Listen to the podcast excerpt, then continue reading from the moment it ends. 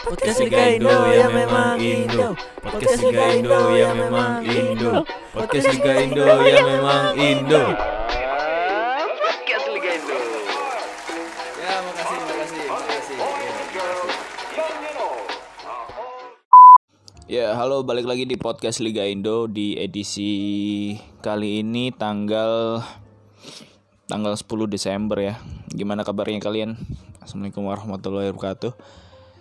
Eh kemarin udah kita bahas di minggu yang lalu kita bahas eh, kenapa timnas Indonesia bisa kalah lawan Vietnam di babak ini ya di grup ya di grup A.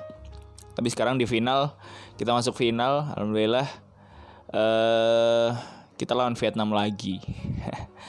PR besar untuk Indra Safri yang kemarin dikalahin Vietnam. Eh, kedua kedua negara ini sama-sama ngincar emas, men. Jadi eh bentar sebelum kita bahas soal ini, aku mau bilang dulu kalau eh kita upload seminggu sekali. Banyak yang tanya kenapa upload seminggu sekali di podcast Liga Indo ya karena kamu di episode sebelumnya udah udah aku aku bilang kalau banyak kesibukan.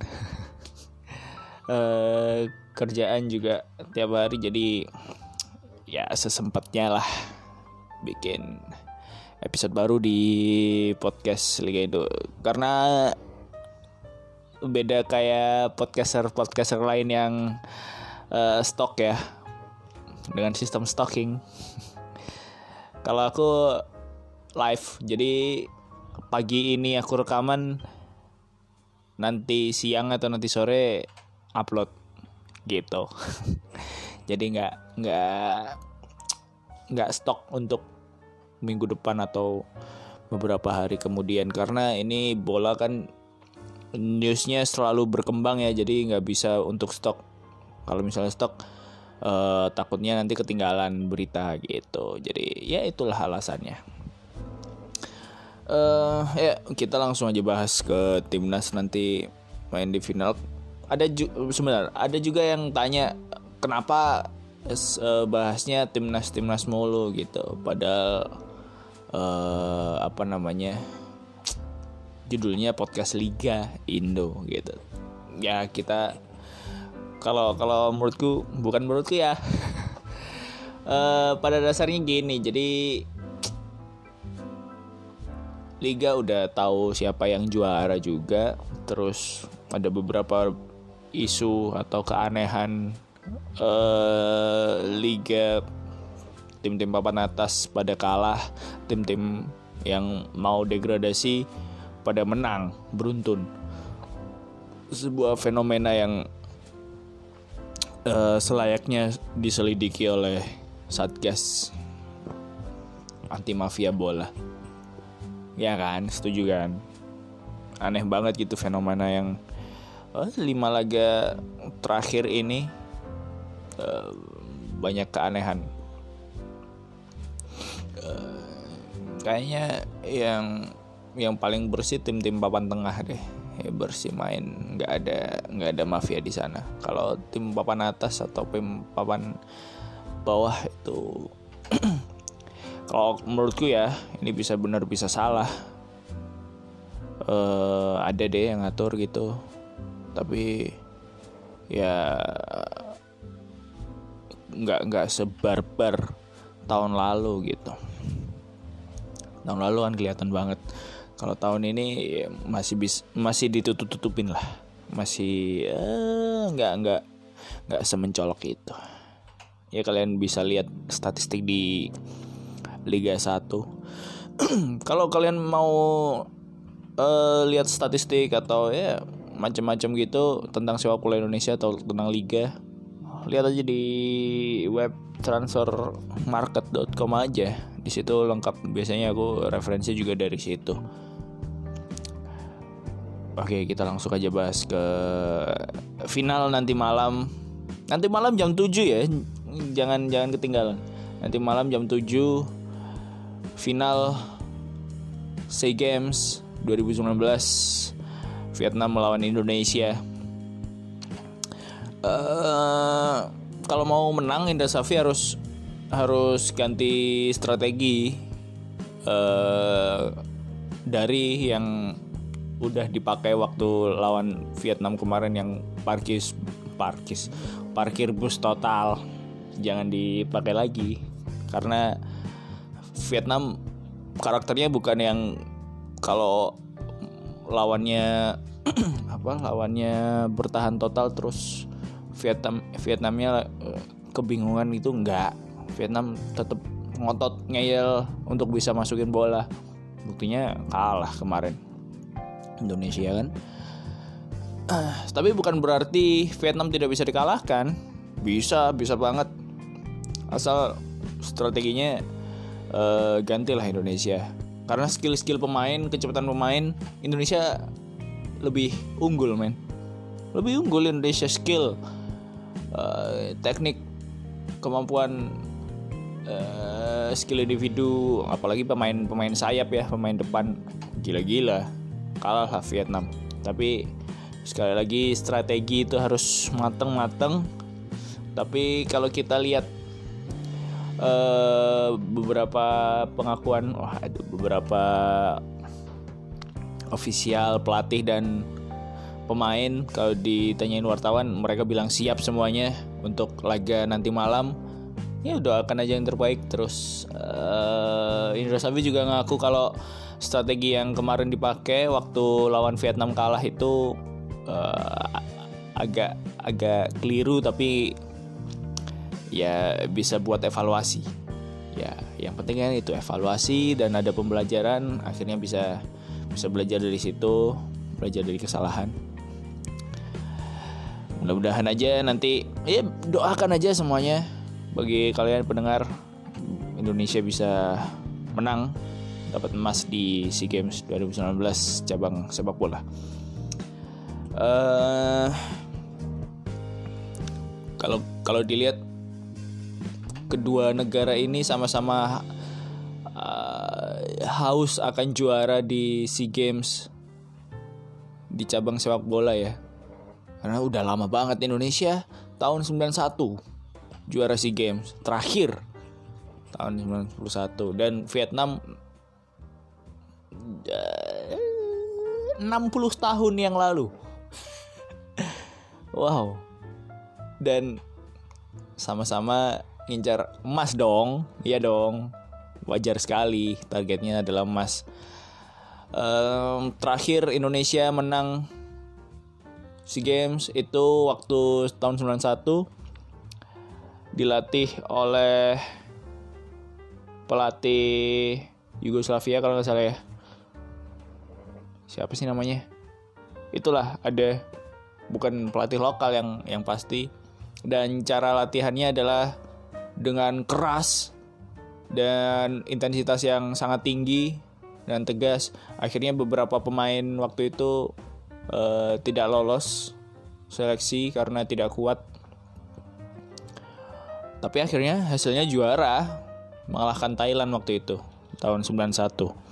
Nah, tahun ini dengan metode yang dengan pendekatan ya. Kalau Indra Safri kan gitu kan pendekatan individual akhirnya pemain merasa eh, semangat kekeluargaannya tuh ada gitu di lapangan. Itulah Indra Safri itu Indra Safri men. Jadi gaya pelatihnya gitu. Eh, mudah-mudahan aja Indonesia bisa nggak grogi ya nggak grogi.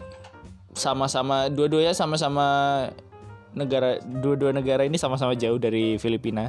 Indonesia Indonesia lebih deket lah. Indonesia lebih deket. Supporter di sana sangat menentukan juga. Karena lebih banyak supporter itulah tim yang lebih bersemangat. Harusnya kan gitu. Nah eh apalagi ya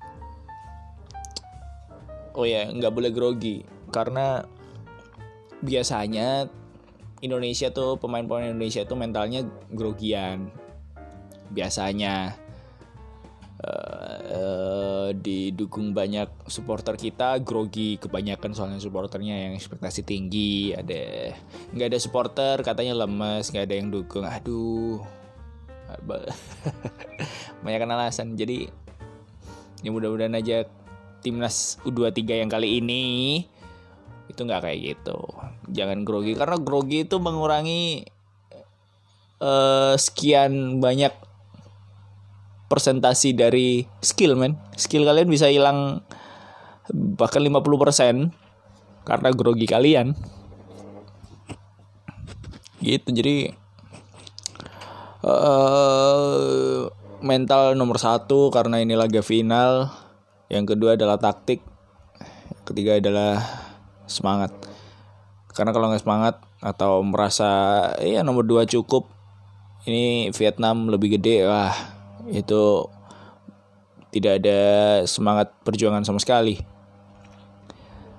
Mentang-mentang Vietnam uh, posisi ranking dunianya lebih tinggi banget dari Indonesia, terus Indonesia merasa mereka underdog gitu, ah enggak lah men, ini bukan waktunya gitu. Kita sesama negara ASEAN, kita sama men, kita selevel levelnya jangan menatap bawahnya Vietnam, bawahnya Thailand terus. Thailand aja bisa kita kalahin. Kenapa Vietnam enggak? Iya kan? Ya udah jangan jangan merasa di bawah mereka gitu. Level kita udah level Asia. Beberapa tim junior udah masuk di Piala Asia. Udah kualifikasi, terkualifikasi. Jadi bukan waktunya mindset kita Asia Tenggara tapi Asia men. Jadi Vietnam jangan dianggap musuh yang sangat berat, tapi ya selevel kita gimana kita untuk mengatasinya gitu aja. Mindsetnya itu dirubah dulu. Uh, lupakanlah beban inilah. Beban apa namanya? Beban emas. Itu jangan terlalu dipikirin soalnya tapi bukan berarti uh, kalian para pemain ya ini ya bisa mikir kalau ya udahlah targetnya bukan emas gitu.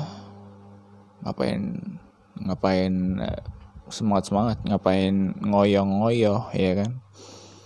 Udah makanya itu main lepas aja main lepas aja. Nanti pasti berbuah hasil. Plus doa dari kalian semua guys.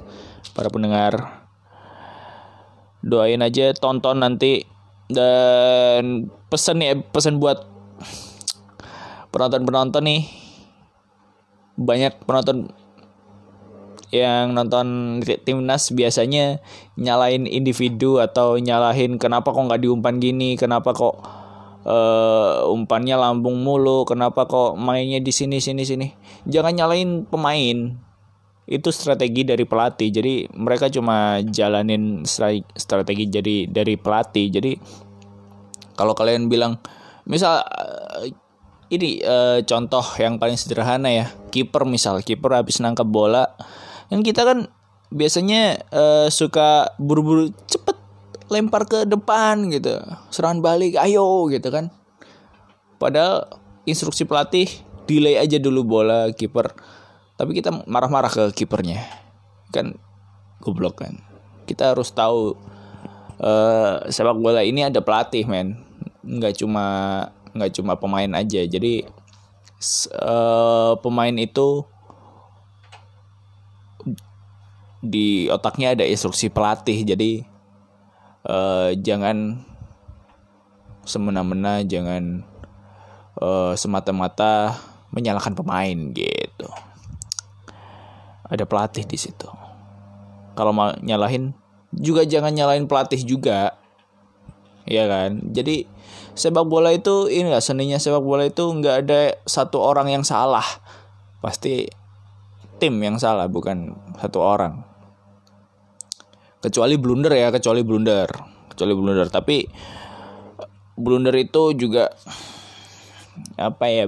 Blunder itu biasanya bukan karena skillnya jelek blunder itu karena mentalnya karena grogi karena nervous gitu jadi salah umpan dan lain-lain.